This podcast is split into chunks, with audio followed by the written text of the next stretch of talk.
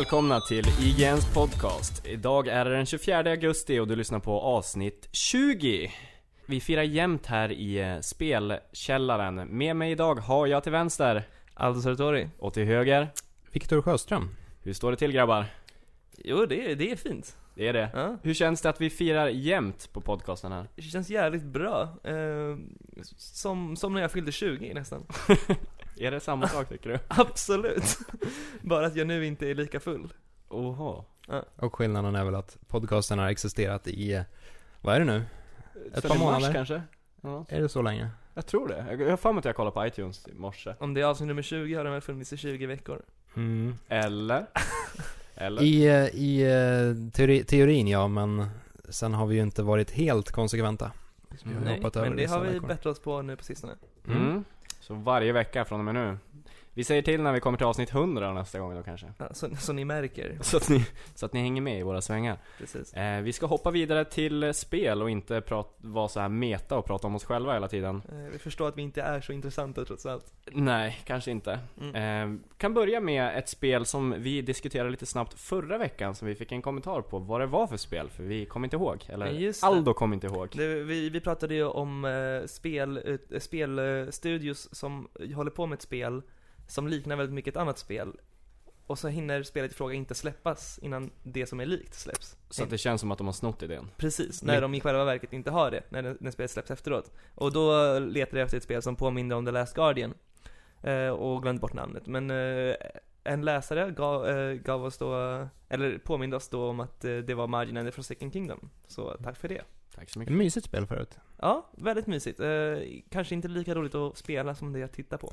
Nej, inte jättebra spel men eh, just han, den här maginen är ju väldigt gullig. Man vill Ja, krama honom. Jag kommer ihåg att det, det jag tyckte var konstigast, jag vet inte om det var det bästa eller det sämsta med spelet, men det var alla djur som hade brittiska röstskådespelare. Så jag minns någon Just råtta fan. som var så här otroligt brittisk accent. En råtta av allt. Ja, märkvärdigt verkligen. Ja, Eh, men My- eh, tack för det. spel. Ja, tack för det. Kommentera gärna denna podcast om ni har något, någonting att säga eller om ni har något tips på vad vi ska prata om. Så tar vi upp det. Ja, förhoppningsvis. Det är klart vi gör. Eh, vidare till veckans nyheter. Aldo, du kan få presentera om du vill. Ja, tackar. Ehm, det är ett spel som står mig väldigt nära hjärtat. Jag vet inte hur det står till med er, eh, men eh, det ryktas om att det ska släppas en uppföljare till The World Ends With You. Det är alltså ett eh, rollspel som släpptes av Square Enix till DS för ett par år sedan. Ehm, och nu har man lanserat en sajt med en countdown, tre dagar kvar. När du lyssnar på detta så är det två dagar kvar. Mm. Ehm, och eh, det ryktas om att det är en uppföljare till The World Ends With You eftersom att det är samma design, karaktärsdesigner som till The World Ends With You. Och när man öppnar sajten så spelas en låt som var med i soundtracket till The World Ends With You. Som två dagar kanske vi får en countdown till en teaser. Eh, precis, till en, till en countdown. Men i alla fall en bekräftelse, möjligtvis. Förhoppningsvis. Ehm, vad har Det- ja. D- Det som gjorde eh, The World Ends With You så, så bra var ju att eh, det inte var ett traditionellt rollspel med eh, allt vad fantasy heter utan det var ju istället eh, förlagt i, i Tokyo, moderna Ja. Tokyo. Och, I Shibuya. Precis, och sen eh, var det väldigt, ett väldigt modemedvetet spel. Så man eh, sprang runt och hade hippa kläder på sig och Visst var det Tetsuya Nomaro som var ansvarig för det va? eh, numera ja. ja. Han Det var- är det. Ja, typisk Final Ja, Fantasy. det det är han som, 10 som det, Kingdom ryktas, Hearts. det är han som det ryktas som är inblandad i det här också. Ja, igen då. Precis. Visst spelar man som två karaktärer samtidigt tror jag?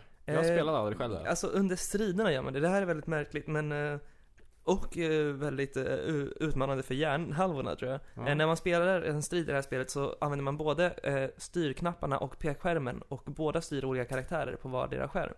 Um, och det var väldigt komplicerat. Men, men som du säger Viktor, skärmen tycker jag låg i, i stämningen och det här Tokyo-aktiga, ehm, eller den här Tokyo-kopian i staden som var väldigt, alltså, den är väldigt stämningsfull. Mm. Jag spelade aldrig klart det, men det, den delen av spelet jag spelade, den, den körde jag faktiskt uteslutande när jag själv befann mig i Japan. Mm. Då hittade jag spelet billigt för, ja vad det nu var, 1000-2000 yen. eh, I någon liten affär och så köpte jag det och, och körde där så jag, jag förknippar spelet väldigt, väldigt mycket med just Japan. Mm, jag körde det också I när jag var i Tokyo, så det har också blivit lite samma sak. Och sen är det ju härligt för det här spelet spelar ju sån här, eh, både mysig och ibland på gränsen till ihärdig J-pop i bakgrunden. Mm. Jätte, ja men det, det, det bidrar väldigt mycket till den här härliga stämningen. Mm. Jag är ju normalt sett inte, inte jättemycket för pop, men... eh, Tror det eller ej. Men just, just The World Ends With You var, var mysigt. Det var. Mm. Eh, vi- snackade lite om det innan, innan vi började spela in och gick ner här i spelgrottan om, om det här att, att faktiskt klara spel, om det, om det är, hur mycket det är värt helt enkelt. Just det. Ehm, för varken jag eller Aldo spelade ju som sagt klart The World Ends With You, men vi kände en, känner ändå att vi har fått ut ganska mycket av spelet. Och det är lite intressant ändå, för om man kollar på, på filmmediet istället, så skulle man ju inte direkt kunna se en halv film och, eh, och känna att det var en bra spenderad timme. Däremot att spela 5-6 timmar av ett spel, det går ofta alldeles utmärkt. Mm. Det har väl kanske lite att göra med, eh, med att spel inte är riktigt lika story, storydrivna. Nej, Det finns inte samma typ av dramaturgi bakom det. Nej, det är, väl, det är väl just att spel tenderar att repetera sig. Mm. Och det är därför vi älskar dem. På, på grund av repetitionen. Men om det här eh, blir en uppföljare till The World Ends With You, vad vill ni se av den uppföljaren? Mm, det, det är en bra fråga. Eh, The World Ends With You var ju väldigt storytungt. Ehm, jag vet inte om jag nödvändigtvis behöver se samma karaktärer ehm, och så, men jag tror att jag vill ha kärnan kvar, andan Mm. liksom. Och det är ju det som får The, The World Ends With You att skilja sig så mycket från andra spel, att de behåller det främst. Mm. För min del så kan de som sagt gärna slänga bort eh, storyn, karaktärerna, eh, stridssystemet, eh, hela spelsystemet för den delen. Det, det, jag, det, det gör mig varken till eller från. Jag har ingen jättestor beef med The World Ends With You, det är inte så jag menar. Eh, men det jag vill se det är att de har kvar atmosfären Mm. och stämningen. J-popen då? Ja, gärna lite J-pop också. Mm. Ja, ja, ja. Då blir jag en eh, glad häst. Men Ja. vi kan ju prata om ett annat spel som, eh, som det även ryktas om ska få en uppföljare. Eh, Mm. som jag vet står likt The World Ends With You står det också mig väldigt nära hjärtat och jag tror Mm. det är detsamma med er. Mm. Uh, Deadly Premonition ska Den- alltså troligtvis få en uppföljare. Mm. Detta fantastiska jävla freak till spel. Precis, Ja, Världens bästa skitspel skulle jag nästan säga att det är. Världens bästa skitspel. Ja. Ja, det, det, det är nog bra sagt. För Twin Peaks-känslorna, men spelmässigt är det ju ganska kast. Ja, det beror på vad man, ja, actionmomenten är dåliga. Eh, Bilarna, köra bilar. Jag tycker det är kul. Den som inte har spelat det här är, kan man väl säga att det är någon slags GTA-mekanik bakom det, så det är en öppen värld. Är ju Twin Peaks. Lite, Det- lite som vad Alan Wake skulle bli innan, innan det blev Alan Wake. Mm. Det är spelet Alan Wa- Wake vill vara. Ja. Mm. Eh, och det här spelet, vi har ju pratat om det tidigare, vi, vi tycker ju om att prata om det här spelet uppenbarligen. Mm. Eh, det finns ju en anledning till det och det är ju för att det är ju så, så konstigt, unikt och bra på ett annorlunda sätt som spelserien är. Eh, och eh, hur som helst så har Swear, som han tycker om att kallas, Mm. eh, Swear 69 om jag inte misstar mig, pratat om att, hur han skulle vilja att en uppföljare såg ut. Och då har han framförallt sagt att han helst skulle vilja att det utspelar sig i ett annat universum på något sätt. Men samma värld. Mm. Så lite som, han, han, han drar paralleller till vad man gjorde med Spider-Man-filmerna. Eh, och Amazing Spider-Man när man helt ändrade he- hela grejen. Men det verkar som att han inte fattar riktigt att Amazing Spider-Man var ju en reboot. Ja, han, ja, jag förstår inte. Vad kommer han nu, alltså sätta nya spelet i en skogsstad igen? Fast, Ja, det, är- det är lite konstigt. Fast Eh. utan Francis York Morgan. Precis, Ja. men eh, det, han var väldigt snabb med att tillägga att uh, utgivarna, eh, eller eventuella utgivarna, inte var nöjda med det han hade sagt och publiken älskade Francis York Morgan, huvudkaraktären i spelet. och så jämföra med det gick inte att Amazing- slå på honom. att jämföra med Amazing Spider-Man, att man vill komma dit. Ja, Men, det, ja, varför vill man nå Ja. dit? Nej men, han menar väl det hela grejen det de gjorde, men Ja. samtidigt så är det också konstigt för att varför reboota ett spel efter ett spel? Mm. Ja men det är lite samma sak som med den här eh, Hulk-filmen som kom Mm. för, eh, vad det nu var, en massa år sedan. Eh, och som sen fick en uppföljare som inte var en uppföljare utan som var någon det. form av reboot slash pre... Nej, jag vet inte fan vad det Det var. var, det var den med Ja. Edward Norton va? Ja. Det var tvåan ja, första var Ja. Eric Bana. Ja, Mm. precis. Det- Och det, var, det var väl innan han gjorde Troy också. ja. Så när Troy Just det. kom, då, då skämtade alla om att den ena sidan hade hade Hulken och, eh, och Legolas och den andra sidan hade Boromir och eh, Tyler, Tyler Durden. Ja, det är ju... Som Det hade jag velat sett i och för sig, hellre var än den Clash filmen. of the Titans alltså. Mm. Vem Bra hade film vunnit? för Ja, Hulken Ja men. Hulken. Ja. Väldigt mycket naken Brad Pitt i den. ja. För den som har missat filmen. För den som har missat. Men det är ju lite som de gjorde i Evil Dead också, Evil Dead 2. Där de, I första 10 minuterna så gör de re- rebootar hela ettan, fast annorlunda. Mm. Och sen fortsätter utifrån det, inte utifrån vad som hände faktiskt i ettan. Fantastiskt. Så kommer vi få se det i det här? En eh, reboot på de första 10 minuterna av Ja. Deadly Premonition 1 i Deadly Premonition 2. Alltså med, med tanke på vilken jävla knarkad snedtripp eh, ettan var så skulle ingenting förmå, förvåna mig. Han skulle kunna göra precis vad som helst med spelet och det skulle, skulle ändå inte vara lika konstigt Precis. som originalet. Men om man, om, man, om man tittar på vad det innebär för, för, spel, det, för spelserien att det kommer en uppföljare så det är bara bra, för att hela grejen med ettan var ju att Unsweary, det var ju väl så vitt jag vet hans debutspel. Mm. Eh, och eh, han hade ju väldigt mycket att bevisa och fick inte så mycket stöd från utgivarna. Eh, en anledning till att spelmekaniken suger är ju på grund av actionsekvenserna som han blev tvungen att, eller de blev tvungna att trycka in från, på grund av press från distributörerna, utgivarna. Mm. Så nu kommer man ju förhoppningsvis, han få bestämma lite mer och Mm. ha lite mer kontroll över projektet och kanske faktiskt skita i skjutmomenten om han vill eller i alla fall göra dem bättre eller mer som han vill liksom, inte lika Ja. framstressade. Och Deadly Premonition började väl vad jag minns också som ett Playstation 2-spel. Mm, Eh, och det syns ju väldigt tydligt på grafiken. Det är ju Mm. inte ett snyggt spel egentligen. precis. Så man, man märker ju av att det har inte haft världens smidigaste eh, utvecklingsfas. Precis. Men att de ens jobbar eventuellt då på en uppföljare. Mm. Betyder det att Deadly Premonition faktiskt sålde någorlunda bra?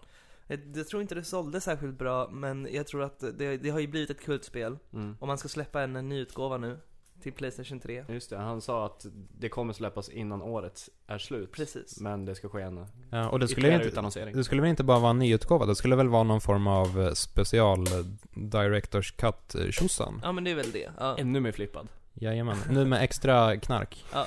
Typ. Få lite så här LSD-plåster med när man Ah, Men, eh, men eh, ja det, det, det är ju det. Så då kommer väl antagligen de tjäna in lite klirr i kassan. Förhoppningsvis. Ja. Mm. Och det, det är även eh, ett visst mån av goodwill att, att eh, faktiskt ja, gå ut med att, att ja, vi stödjer Deadly Premonition. Mm. Men Det eh, blir vi, hardcore prat, vi, vi pratade lite innan eh, om det här som vi nu har rört vid, konstiga spel. Mm. Och, och eh, hur långt man kan komma med, med konstiga spelidéer bara. Och liksom att konstigheten i sig blir ett självändamål. Mm. Eh, varför är det så här tror ni? Vi kommer fram till att man kan nå ganska jävla långt med det.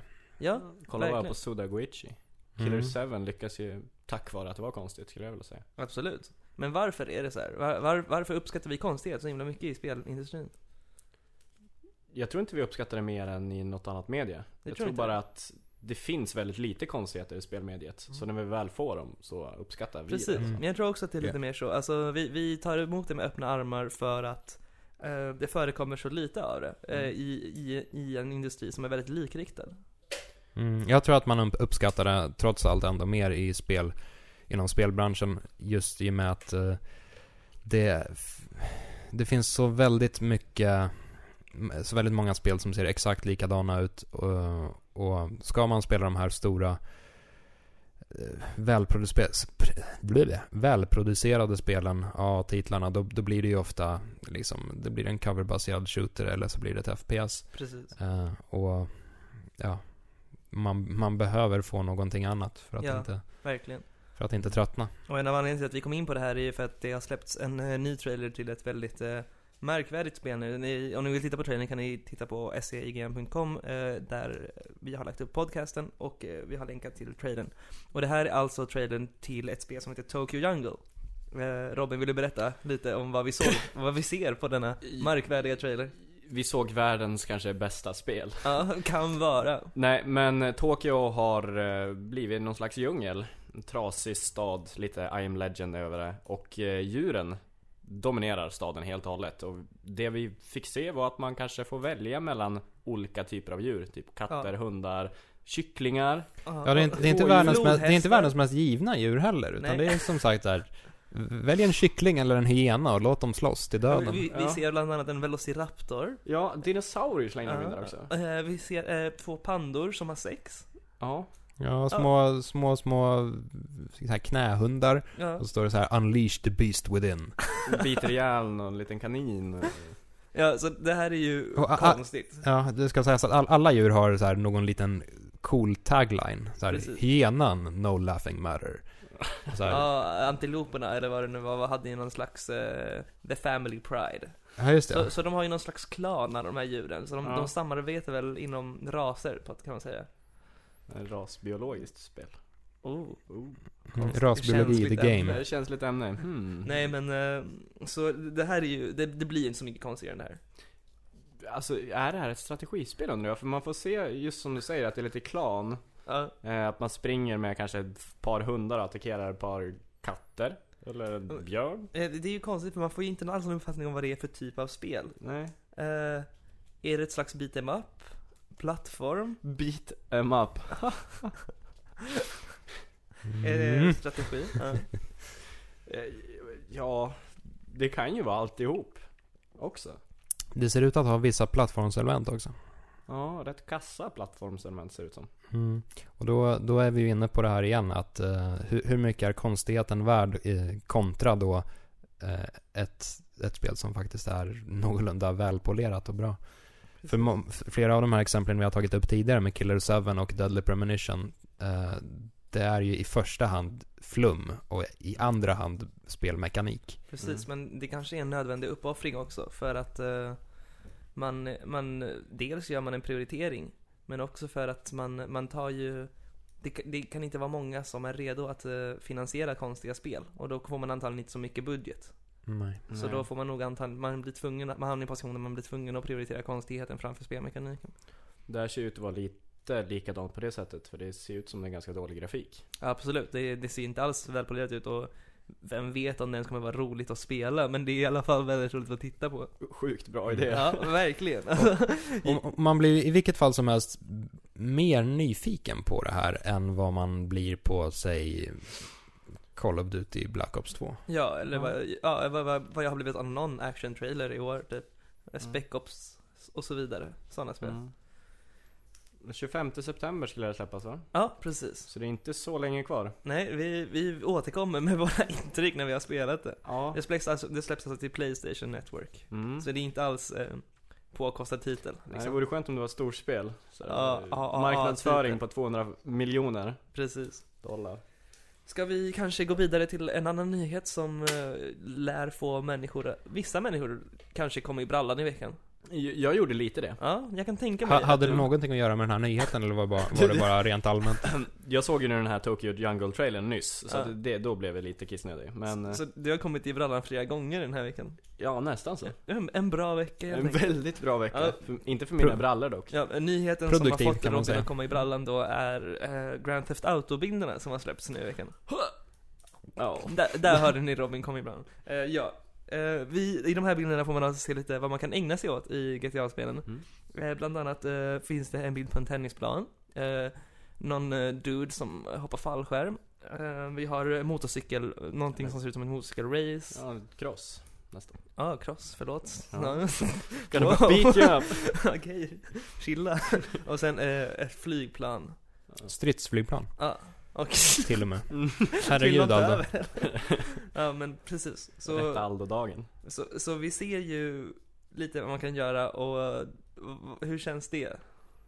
Jag tycker det är otroligt häftigt för att det, dels så blir GTA 5 lite mer konkret och det känns som att Ja, vi har framför oss ett ganska färdigt spel. Det ser otroligt snyggt ut av de här små grejerna Mm. vi ser och det är intressanta moment man kan spendera tid med. Som Mm. fallskärmshoppandet som var, fanns i San Andreas och sen introducerades igen i, eh, vad heter det, Gay Tony Mm.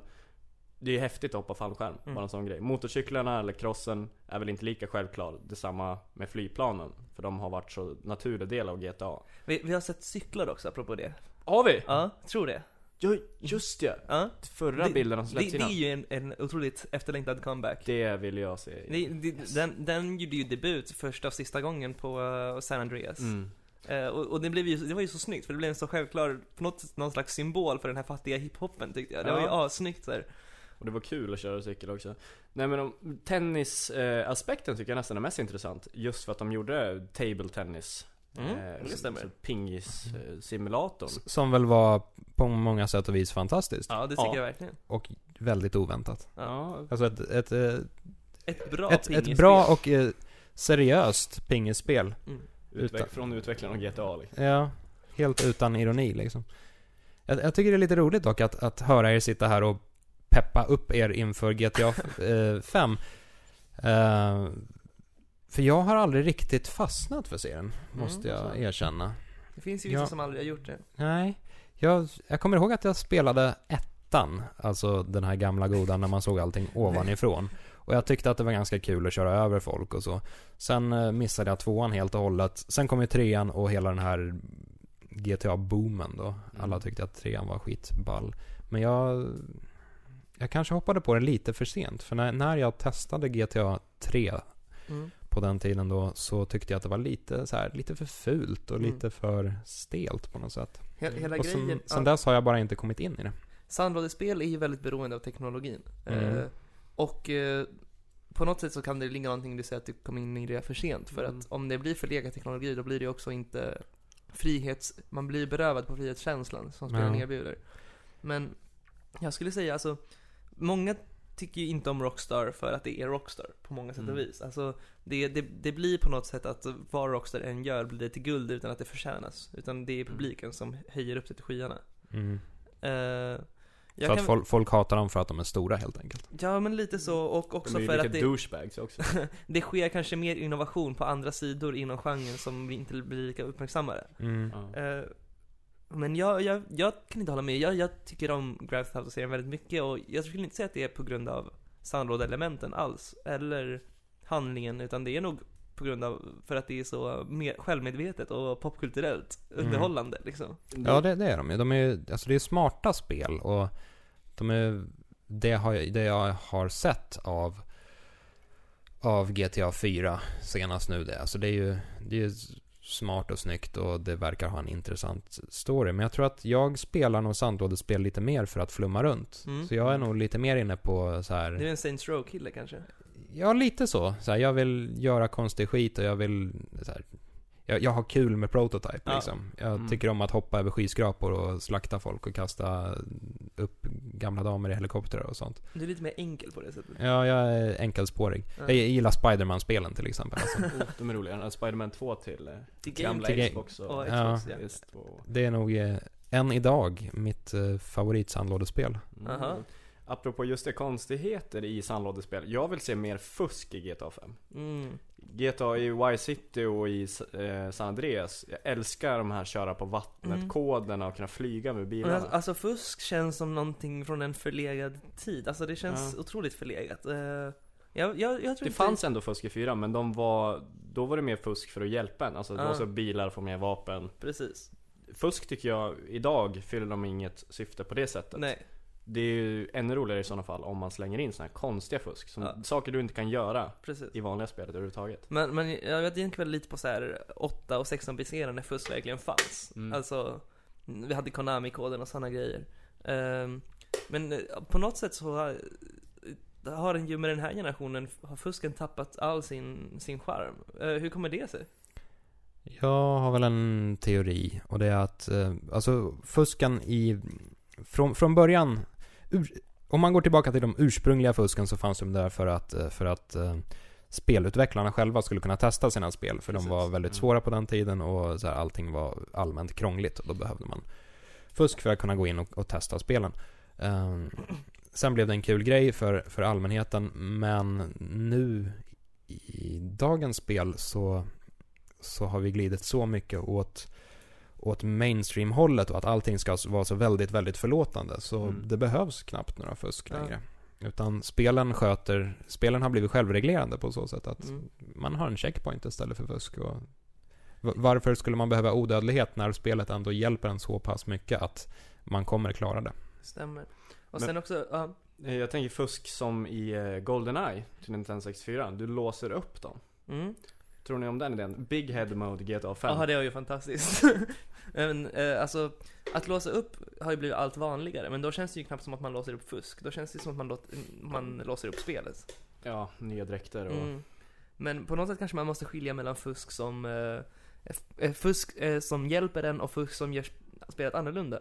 Mm. Eh, Det kanske har blivit ovanligare för att spel har blivit mycket hårdare regisserade och man kanske inte vill liksom breaka hela den Illusionen av... Ja, på något sätt. Man, spel kanske tar sig själva på lite större allvar nu.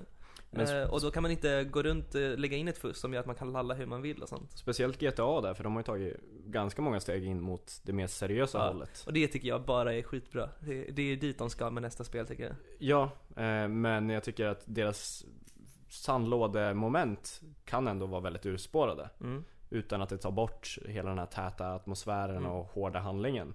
Så jag tycker, släng in, kör på vattenkoden. Då, då köper jag GTA 5, kan köpa ett par ex bara för därför. Men, Men- hur, men- hur, hur långt skulle man kunna gå med GTA 5 då, när det kommer till rent ur, urflummade eh, sandlådemoment? Skulle man kunna göra ett, ett eh, Just Cause av det, eller ett eh, Saints Row av det? Utan att det skulle kännas helt fucked up. Jag tror, jag tror absolut inte det. Eh, eh, GTA har skaffat sig, sen GTA 4, en profilering. Som du säger, det är smart och, och Rockstar kan inte riskera att förlora den här profileringen för då har den inget, eh, då kommer serien tappa sitt värde i marknaden på ett sätt. För nu har vi så många sandlådespel som alla har nischat in sig på sitt hörn. Och GTA måste bara stärka sig inom sitt, precis som alla andra sandlådespel Mm. gör. Om, om GTA skulle röra sig utanför sin comfort zone på det sättet så kanske den tappar sin, serien tappar sin identitet. Mm. Ja, det är ni som är GTA-experterna här. Jag, jag bara bor här. Nej, det är bara vad jag, vad jag anser, men det är, det är, ingen sanning. Det beror ju på lite om de fortsätter i det här seriösa hållet Mm. i och med GTA 5. Mm. Ehm, för att de här expansionerna, i alla fall Gay Tony, blev ju lite mer humoristiskt. Mm. Eh, vad hette den motorcykel innan? Den var ju ännu mer seriös. Eh, den var otroligt seriös. Eh, vad hette den nu då?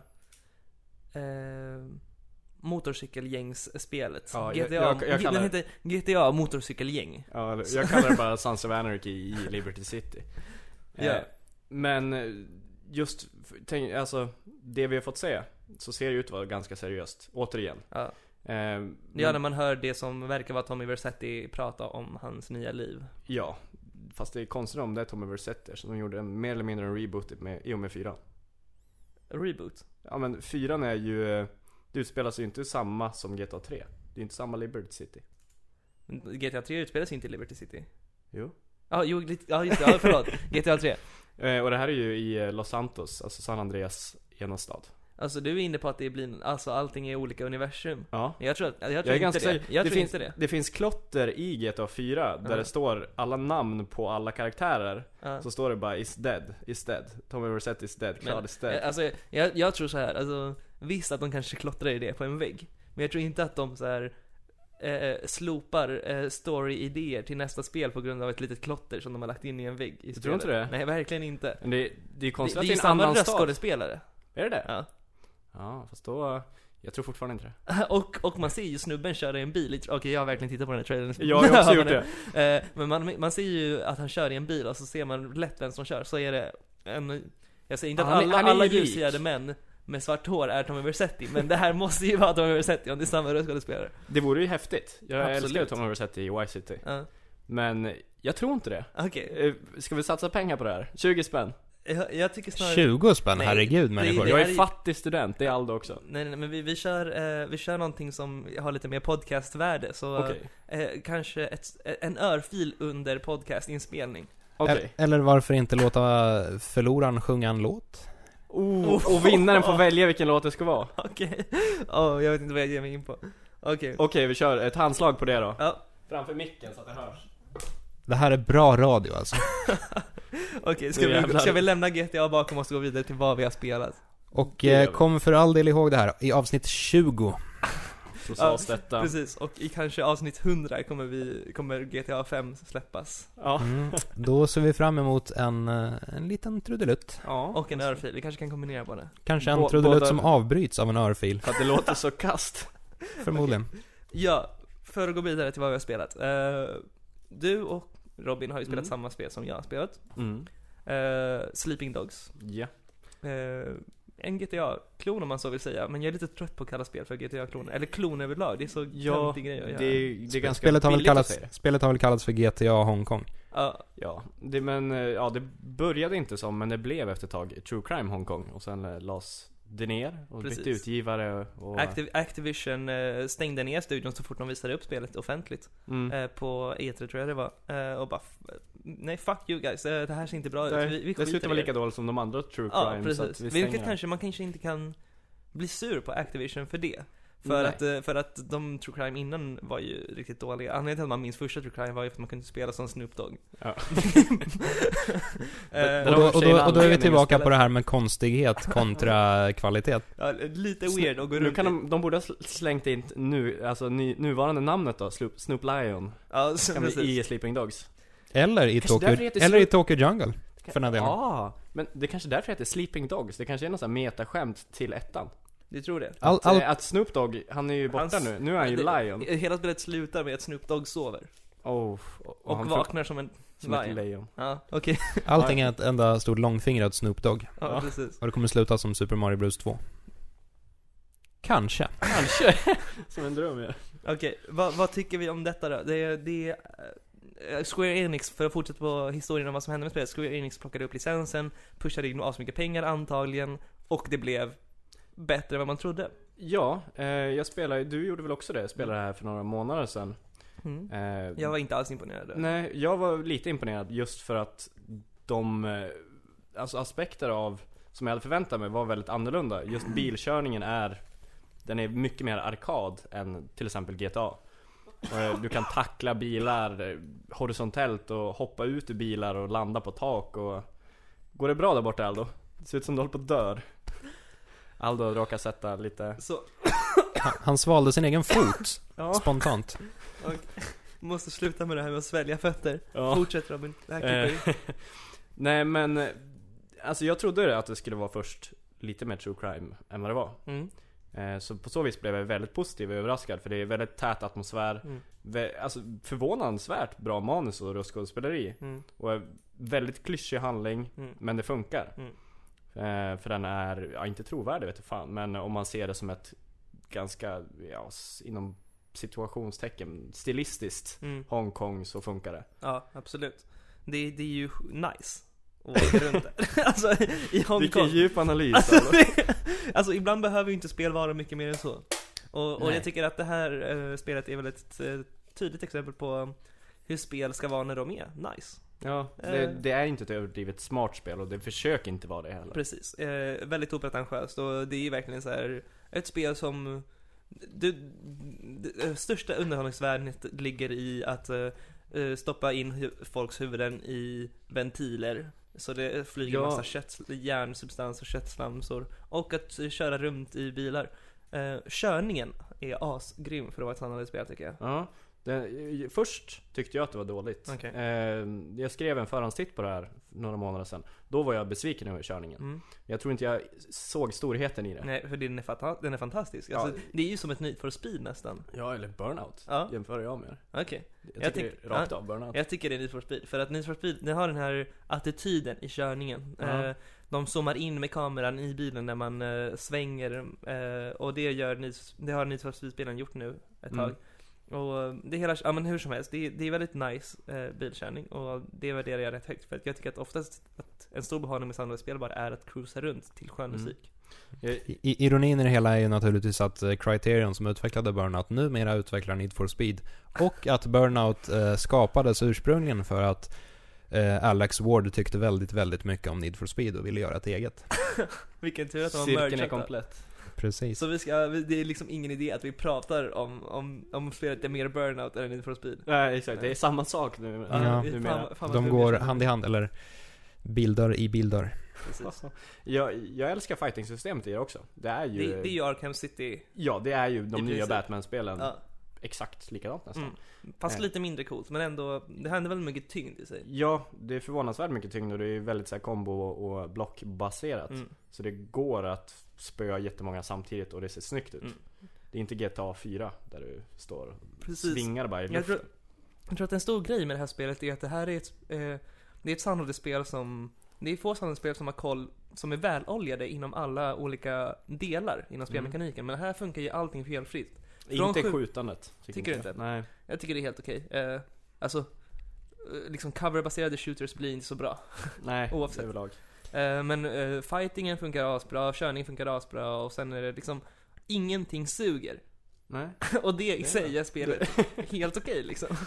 Jag gillar Men- friheten som det ger att kunna ta tag i en civil medborgare och dunka sönder hans huvud i en bildörr. Jag tycker det är sjuk i huvudet. Ja, jag vet. Och därefter gå hem och spela lite Sleeping Dogs. Ja.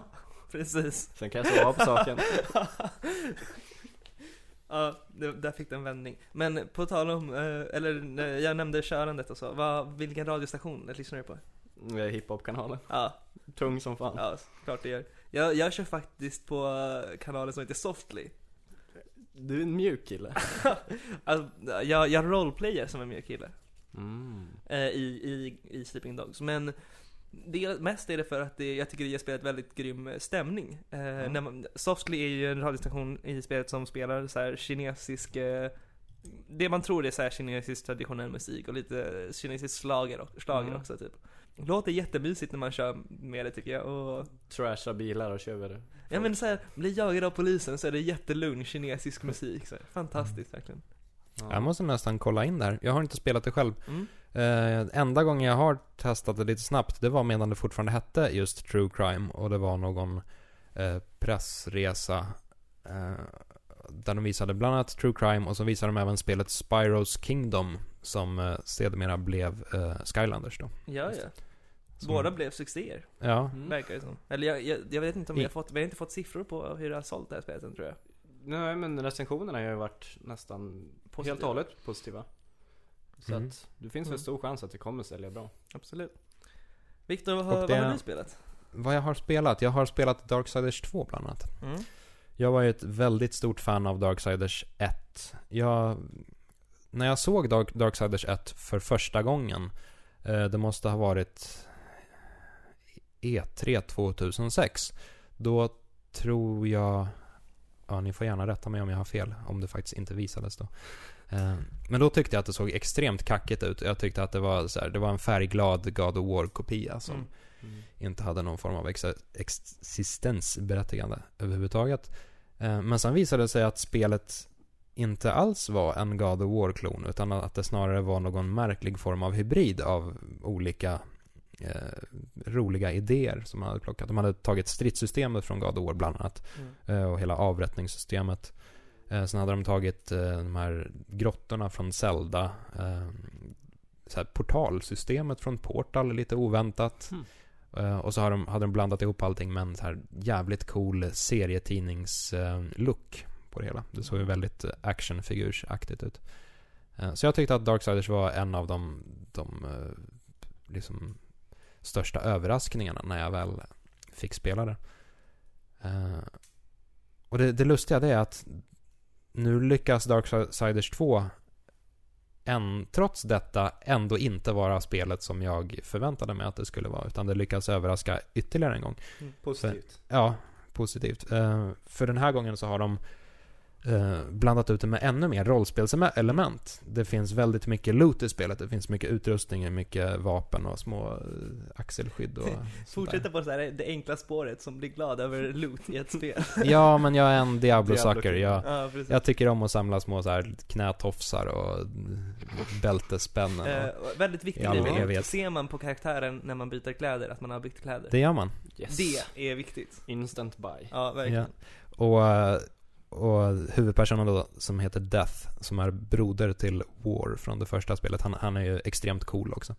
Han går runt och... Bara namnet liksom. Mm. Ja, det är alltså liemannen, döden.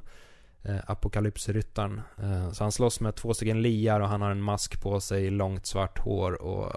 ja, han är en Känns väldigt hårdrock. Väldigt, väldigt hårdrock blandat med actionfigur blandat med typ eh, The Crow. Jag, jag ser framförallt möjligheter i att man spelar Death till, in, till en uppföljare. För att jag tänker att om det slutar med att Death dör, så blir ju nästa spel någon slags här filosofisk grej, där Ja. ingen kan dö längre.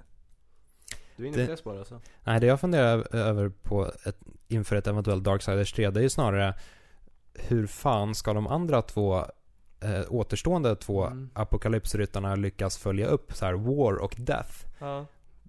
Där har man, man ju spelat ut de coolaste karaktärerna någonsin och kvar har vi Fury och Strife som Vi, där, eh, kvar kanske är dividerat med noll.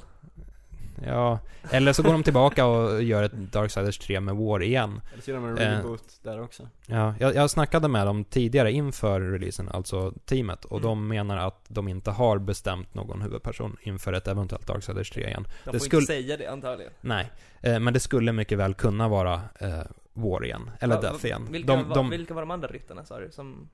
eh, enligt den här världen så är det Fury och Strife, men i, eh, i- i den verkliga världen, så att, säga, så att säga, vår värld, så är det väl snarare, vad är det? Pestilence och Pestilence, eh, Justin Bieber tror jag. Ja, Mm. just det. Eller något. Men han finns ju redan, så Ja, Ja, eller hur? Han har spelat ut sin roll. ja. ja. Han kan har möta rätt bra.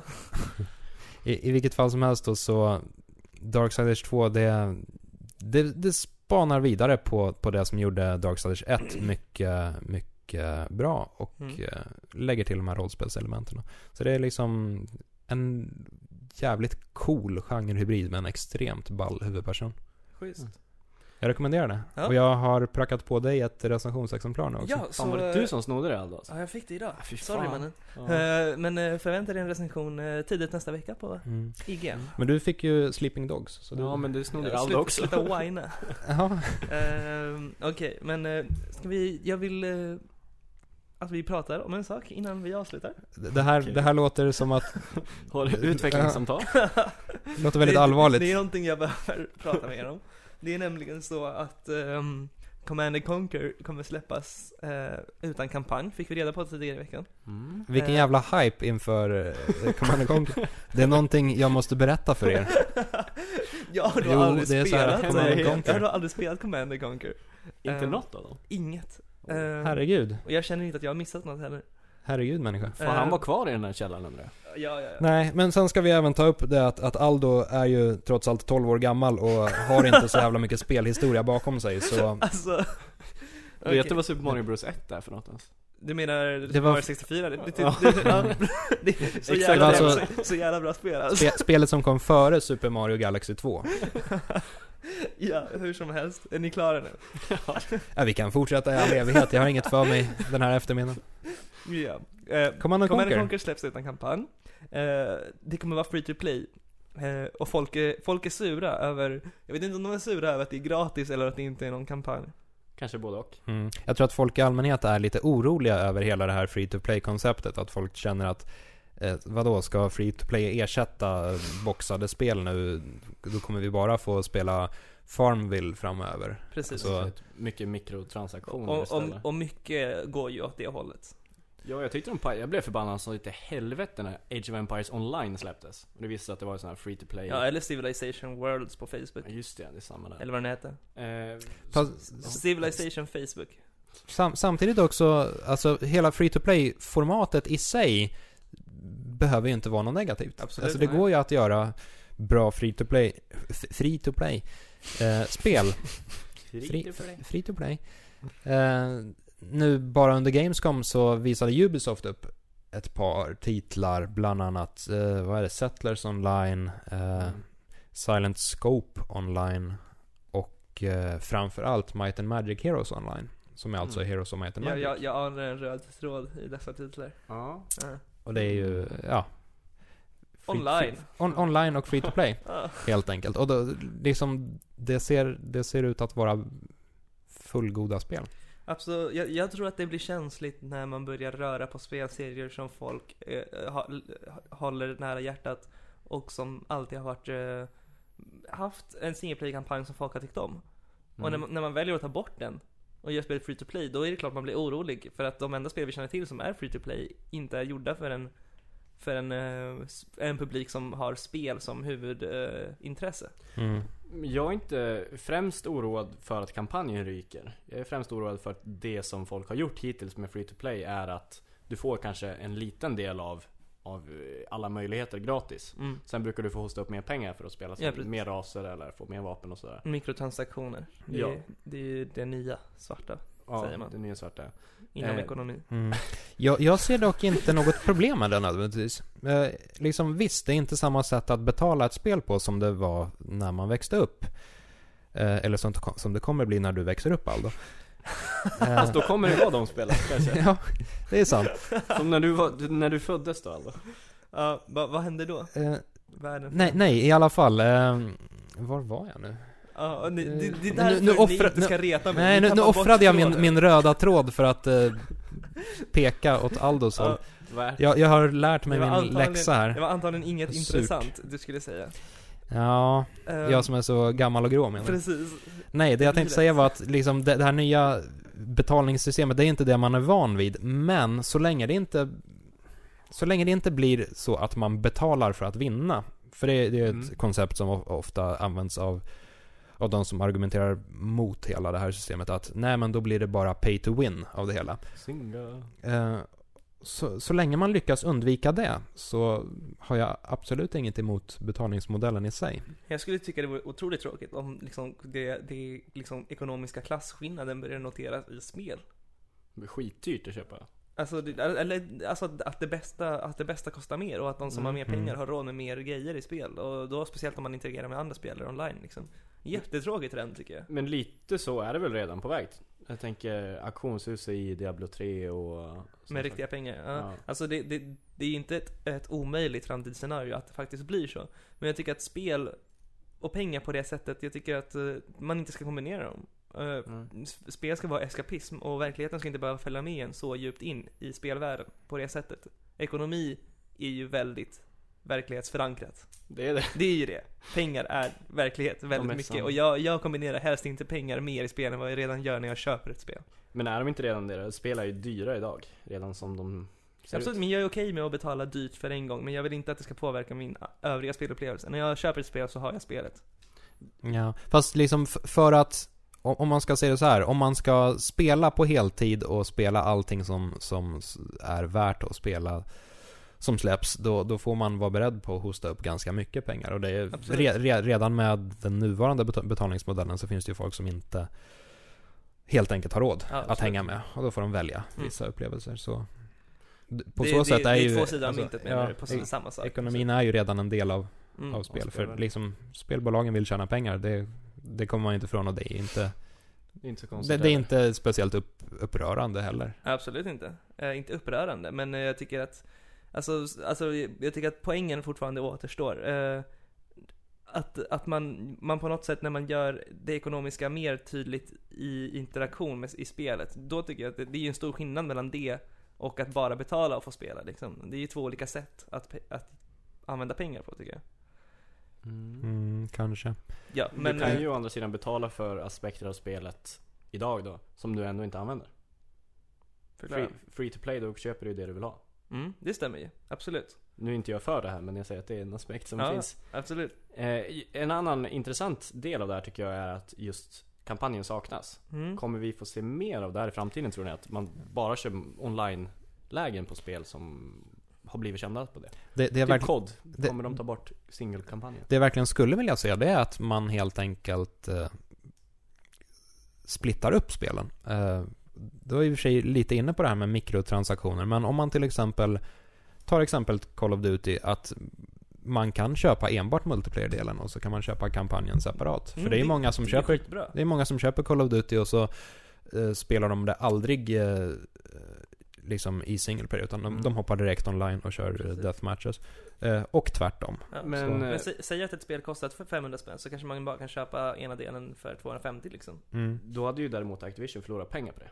Tror jag. Jag tror att det är Ja. många fler som spelar multiplayer än single player. Det stämmer, det stämmer. Eh, Men däremot så finns det ju vissa aspekter av av det här inom andrahandsmarknaden. Typ Battlefield 3 har ju det att du får med ett online-pass. Mm. Sen om du säljer vidare så följer inte det med, då får du betala igen för det. Nej, och det, ja, och det här, det här, precis, det här försöker ju eh, spelbolagen motverka då genom att ha till exempel så här upplåsbara kostymer eller så här, du får ett extra vapen eller en extra bana när du Mm. köper spelet i form av en liten kod. Mm. Och när du väl har använt den då, då går den aldrig mer att använda och om du då säljer spelet så kommer nästa köpare inte att få den här lilla, vad det nu är, specialbyxan Jag tycker det är eller... så Mm. tråkigt och cyniskt hela grejen, den trenden. Alltså jag blir, jag blir verkligen bitter. Du vill ha byxorna ändå? Men det är lite som Alan Wake så här. Då fick man ju med sista kapitlet när man köpte det. Så, så här, jag lånade det till en kompis, så fick inte han spela klart det, för då, då är det klart jag ska ha DLCn liksom. Ja, ja. Då har man ju olika spelupplevelser, man hamnar på olika nivåer. Det är, Ja. Jag vet inte, Man delar upp lite spelar, mm, spelarna. mm, på ett sätt som jag tycker är onödigt. Mm. Ja, det- om vi ska återgå till Call of Duty så tror jag, nej vad säger jag, inte Call of Duty, eh, Command and Conquer. Mm. Jävla spel som börjar på C. Ja, det, det blir så när man blir gammal. Man, Mm, det är Ja, det allt. måste Bland- vara Alzheimers Ja. eller något. Jag vet inte. Eh, om vi återgår till Command and Conquer istället. Så eh, tror jag även att folk är lite sura för att eh, spelet, eller serien, kämpar lite med sin identitet Mm. nu för tiden. Eh, Call of Duty, nu är jag där igen, Call of Duty. Sitter här med en gammal man och en tolvåring. Ja, och du är, Dålig du, stämning i spelgrottan just nu känner och du är någonstans i mitten. Mm. I mitten av livet, det mig? medan vi andra är i början och slutet. Uff. Det blir tungt. Ja, Eh. Jobbigt att jobba, jobba uppförsbacke här med er två. Ja. Okej, Nej. vill, vill du avsluta där? Jag, jag, jag, jag vill göra ett försök i alla Kommer du ihåg fall. vad du ska säga nu? Jag ska knapra lite piller och sen tar jag ett nytt försök. Jo, eh, i alla fall så var ju Command and Conquer 4 ganska annorlunda om man jämför med Mm. de tidigare spelen. Det hade ju till exempel inte så här resurshantering på samma Mm. sätt, utan man hade någon bas som så här lallade runt på fyra ben istället. Eh, och sen nu, nu med Generals 2 så tar de istället bort hela single player-kampanjen. Det, Mm. för, för fans av de första Command and Conquer-spelen så de, de ser ju sin serie förändras till något helt annat än vad de är vana vid. Mm. Och det tror jag kan uppröra en Mm. hel del. Ska vi kanske börja avrunda? Ja, innan du måste gå och lägga dig här efter Bolibompa. Ja, Det är precis. sant. Och jag ska väl kanske tillbaka till ålderdomshemmet. Har du någon som kör dig dit? Demensboendet. Ja, ja men jag har väl någon, någon snäll. Någon, någon som Snäll kommer och liten- besöker dig? Eller så får du sova här nere i spelgrottan. Ja, jag kommer ju inte lyckas ta mig upp för trappan. Med min jävla rullator. Nej, nu när du varit så elak mot mig så kan du inte förvänta dig någon hjälp. Ja. Innan vi avrundar då så skulle jag väl dock vilja eh, dela med mig av en eller ett par anekdoter från Gamescom. Ja, just Mm. det. Som ju hölls förra veckan. Och det är alltså världens eh, största spelmässa. E3 är ju egentligen den, den mest kända mässan, men Gamescom är den överlägset största. Mycket Mm. tack vare att det är en konsumentmässa och inte en, en eh, affärsmässa eller en businessmässa. Och det absolut första som hände, hände mig, det är ju, jag, jag kommer till hotellet, ska checka in och så här, snubben som sitter i receptionen är någon så här medelålders arg farbror med slickad snedbena mustasch och någon så här ljusbrun skjorta. Och jag skojar inte. Okej. Ja. Så sitter han där och är drog så här- du för associationer Ja, då? Sitter han där och är tysk och arg. Och jag känner att, jaha, det här var ju ett intressant ställe att hamna på. jag ska peka med jag känner igen dig. Jag kan inte riktigt, jag kan har inte vi setts riktigt, förut? kan Tror jag inte på riktigt TV placera eller något sånt där. Har du sett Inglourious Basterds? Ja. Så ska jag i alla fall, eh, jag, jag checkar in då och, och kollar internetmöjligheterna där. Och det visar sig att det finns inget internet på rummet, men att man kan köpa det till. Eh, och hela liksom personalen på hotellet blir alldeles chockade över att, så här, att jag vill ha internet flera nätter i rad. De tänker att, här, va? Ja, va, vad är detta? Det här, är det här är vi inte vana vid liksom. Ska du sitta med internet flera dagar i rad? Jag, jag måste ju ha internet varje kväll för att kunna jobba och hålla mig uppdaterad. Och de så här, det här var vi inte beredda på. eh, Men det här ska vi lyckas kunna ordna på något sätt. Vi, vi har maximalt 48 timmar som du kan köpa. Och så, så här tar han in någon kollega som får hjälpa till och så skriver de ut ett gäng så här kvitton med så här små 48 timmars pass. Så vi betalade och, för jättemånga 48 timmars pass. Ja, det fick ju bli så i slutändan. För, ja, vad, vad fan ska man göra? Man behöver uppkoppling. Precis. Mm. Eh, och hotellet i sig var så här hyfsat sunket ändå. Och, Mm. um, sen lyckas jag i alla fall checka in, dumpa sakerna på, på rummet eh, och tänker bara ta en liten sväng för kvällen. Eh, så jag norpar en uh, stadskarta i, i entrén då, i disken. Eh, och det första som slår mig med stadskartan det är att här, de har utmärkt, eh, eller de har här, en liten lista längst ner över så här, här har vi alla eskortservicer du behöver. Och så har de så här lite snabbrecensioner av, av eh, flickorna där. Så här, Ja. ja. men det här det är en trevlig tjej med väldigt stora bröst. Och jag där, vad fan har jag hamnat någonstans? Det är nästan som kattcafén i Japan, fast med människor. ja, fast inte helt okej. Ja, precis. Så, um, ja. Det var ett Weird. märkligt hotell Ja, och ett här märkligt första intryck av, av uh, Köln, får jag säga. Följde du kartan då? Jag gjorde ju inte det. Jag freestylade. Ja, var nog bäst så.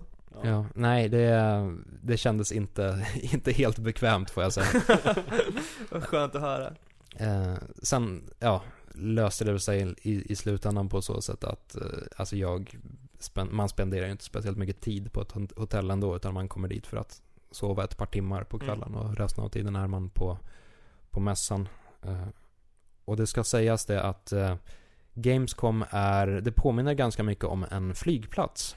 Okej. På så sätt att eh, det är så enormt stort att de måste eh, skriva ut hur lång tid det tar till nästa mässhall. Oj. Så eh, det sitter lite skyltar med så här att den här mässhallen är en kvart bort om du börjar gå nu. Vad spännande. Så det är, ja, det är riktigt, riktigt stor mässa. Träffade du några kändisar? Några kändisar. Förutom ja. Hitler då. ja, förutom Hitler så, ja det är väl egentligen den, den, den kändisen man, Ni är väldigt kända i och för sig. Det kanske blir- inte, det blir- kanske inte, är så, på- kanske inte är så inte- kändistätt annars på, på Gamescom. Ja, det är lite, alltså Teckenharada, Street Fighter Ono, Ja. eh, nya Metal Gear-producenten. Inte så Lite hett där. kanske. Ja, det är alltså, när det kommer till spelnyheter och så här allmänt buzz så är ju E3 fortfarande större. Men när det kommer till Ja. kändisar så måste väl ändå Tokyo Game Show vara den största på något sätt? För där, där kommer ju all, Japan har ju de flesta stjärn, stjärnorna Mm. inom spelvärlden så att säga.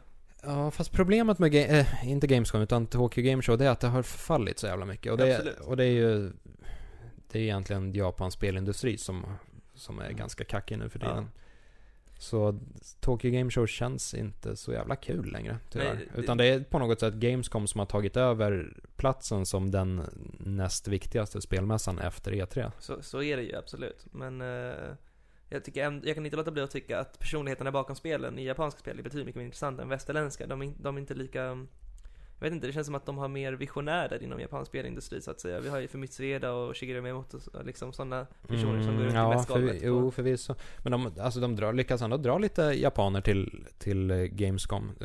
Eh, Tekken och Street Fighter som sagt. Ja. Eh, nya Dead or Alive-producenten som eh, även gjorde Ninja Gaiden 3 Ja, senast. kan, kan, kan du inte berätta vad han sa när du frågade ifall Ja, han det. misstänkte att folk skulle bli upprörda över könsnormerna Ja. i Dead or Alive 5? Det här är alltså den nya Dead or Alive-producenten som har eh, så- efterföljaren till, till Itagaki och han ehm, Ja, ni som har följt Dead or Alive 5 vet ju att man kommer kunna, om man förhandsbokar spelet så kommer man eh, Kommer man få så här bikinisar till, till alla tjejer i spelet. Eh, Så jag frågade honom det att, eh, är du inte lite orolig över att så här kvinnliga gamers kommer ta lite illa upp? Ja, eller så här, känna att det här är bara dumt? Och han typ, nej nej. Det här blir bra, för alla, spe- alla tjejer är jättesnygga. och det var han liksom hans argument för att det är bra skit att eh, det här. Ja. Så ja, där fick jag svar på tal. Alla gillar brudar. Ja, till och med brudar. brudarna, Ja. såklart. Men Lite man låser så. inte upp några sådana små eh, speedo-brallor till killarna då? Nej, det ville han inte. Han bara, Jag- killarna är inget snygga. Nej. Nej. Jag frågade honom även det att, eh, ska, ska inte killarna ha lite badbrallor då också? Då tyckte han att nej, det, nej. sluta nu. Det, det passar sig inte. Nej, han bara usch. Ja. Eh, jag skulle vilja se den här Günther baddräkten till killen. Mankini. Ja. Ja, en sån som Borat har typ. Ja, Ja. ja Borat är det ja. Ja, ja. Där vad i- pratar du Men? Günther är ju hans andra karaktär. Ah, ja, ja, ja. Jag tror du menar You touch my tralala Ginter. Nej, nej. Mustasch-Günther. Ja, precis. Uff, det hade varit fett också. Ja, också. Faster, harder, Günther. Eh, I övrigt, alltså... mm, Det var inte jättemycket eh, så här stora spelnyheter. Det som... Den st- st- överlägset största spelnyheten det var ju eh, Remember Me, Mm, naturligtvis. Det var ju det. Capcoms eh, kommande spel som har vissa likheter med eh, Watch Dogs. Ja, jag tyckte Mm. också. Vi pratade om det tidigare i podcast. Vi nämnde Mm. bland annat Watch Dogs, Mass Effect och Assassin's Creed. Mm. Eh, så jag fick ett ordentligt samtal med, med producenten bakom det och han, han var väldigt öppen och trevlig. Och så, han sa att de hade kommit på hela idén när de hade varit och så här hoppat mellan olika restauranger i Paris och druckit lite vin. Något Känns dekadent. Men eh, fråga någonting om just likheterna med Watch Dogs. Eh, ja, det gjorde jag. Jag, ehm, jag var ju väldigt nyfiken på hur de, hur de såg på Watch Dogs och framförallt vad de kände liksom sekunden när Watch Dogs utannonserades. Ja, för det var ju ingen som visste om, kände till Watch Dogs. Eh, inte, inte ens Remember Me-teamet. Mm. Och han, alltså han, å ena sidan tyckte han att det var lite obekvämt att, eh, att han trodde att de satt på en, en alldeles unik idé och sen visade det sig att någon annan också hade tänkt exakt samma, exakt samma sak. Men å andra sidan så, så menade han att det visar ändå på något sätt att, att det finns, finns något att hämta i den idén. Ja. Eh, om, om, ja, om, om eh, en annan studio, oberoende av dem, kommer på samma idé så, så måste det ju finnas någonting Det där. var ju smart sagt. Vad skönt att han inte gav det någon så här PR-grej om att så här, ja, det är, de är lika men vi kommer göra ett bättre spel och så. Mm, det är ju standardsvaret annars. Precis. Man, Eller att de inte ens vill jämföra sig med andra spel. De, Ja. de nämner inte när man jämför andra spel. De bara så här, vi, vi kommer göra vårt bästa, typ. Mm. ja. Eh, Bara, vad är Det- Watch Dogs? det lär man sig lite efter ett tag, så här, vilka frågor som kommer generera vilka svar. Mm. Eh, och en fråga som man ska vara väldigt försiktig med det är just liksom, hur ser ni på det här spelet? Hur ser ni på den här konkurrenten? För då får man ofta svaret vi respekterar dem, men vi gör vår grej. Precis, det är alltid Eh, så. och det liksom går att applicera på precis vilket spel som helst. Mm. Och så har man slösat bort en fråga eh, på en väldigt, begränsad intervjutid. Precis. Och det, det är ja. även lite, lite jobbigt de gångerna när man måste dela intervjutider. För då, får man, då klumpas man ofta ihop med eh, En tysk. Till exempel en tysk, eller en ryss, eller en Bellman. Och de kommer med så här helt puckade frågor. Och kanske tycker de att jag ställer helt puckade frågor också. Men Mm. de kommer med såna här, hur många polygoner finns det i, i Mm. Agent 47s näsa egentligen? Mm. Och så sitter jag där och liksom vill veta om de någonsin planerar att döda 47, om Ja. de är villiga att ta det steget, eller motsvarande. Bara det- stupid det- Swedish. Det, Ja, och de så här, det, det, det, det, det förstärker ju min lilla bild av att vi ändå har en relativt avancerad eh, speljournalistik här i Sverige i jämförelse med andra länder. Jag vill veta, smäller de upp där på framsidan? Han har två miljoner polygoner i näsan. Ja, precis. Extra, extra. Ja. Hitman har 200 miljoner polygoner i näsan. ja, de, Kan se hans näsa. de har en annorlunda syn på, på vad som är en bra fråga i alla fall. Mm. Så är det helt klart.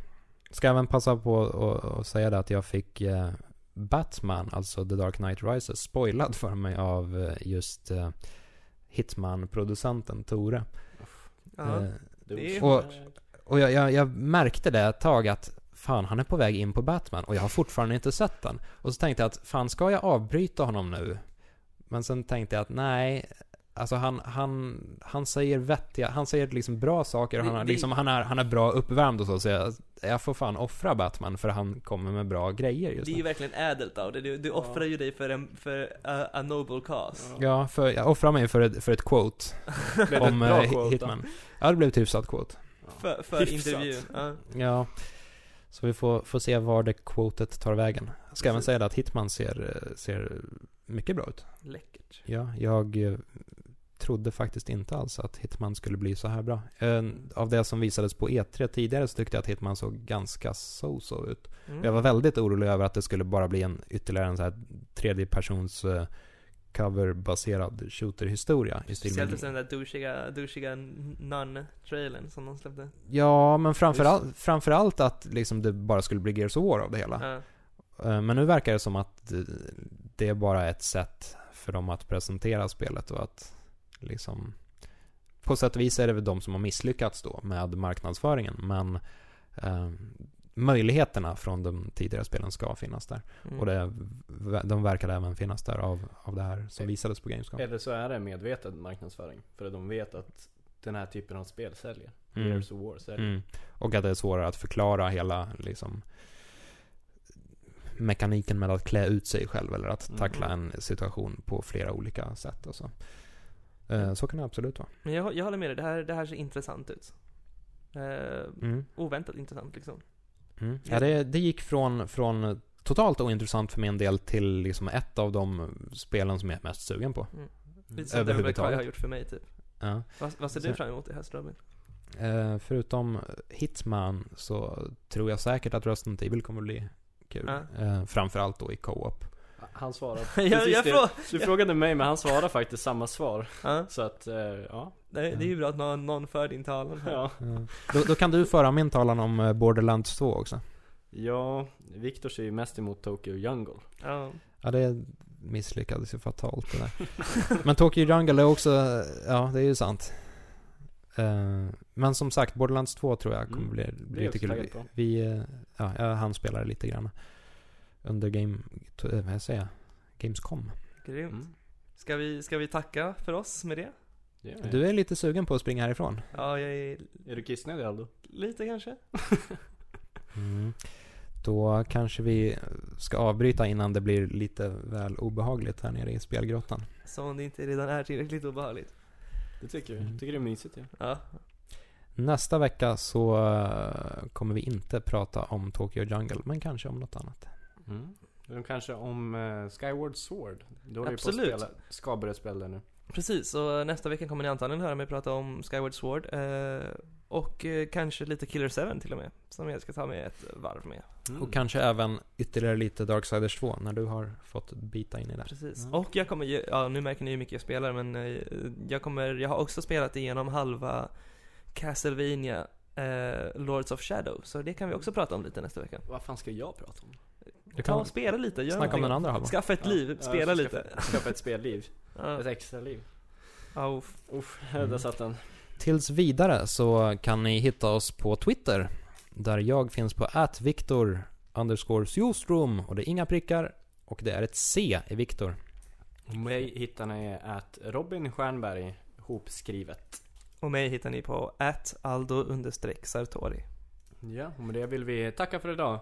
Kommentera gärna och eh, gå in och betygsätt på iTunes. Ja, gör det, gör det. Eh, Det var väldigt få som har betygsatt såg jag. Så Ja. att det gör det om ni gillar det ni hör. Så syns vi nästa vecka. Ha det fint! Adjö. Ha det bra.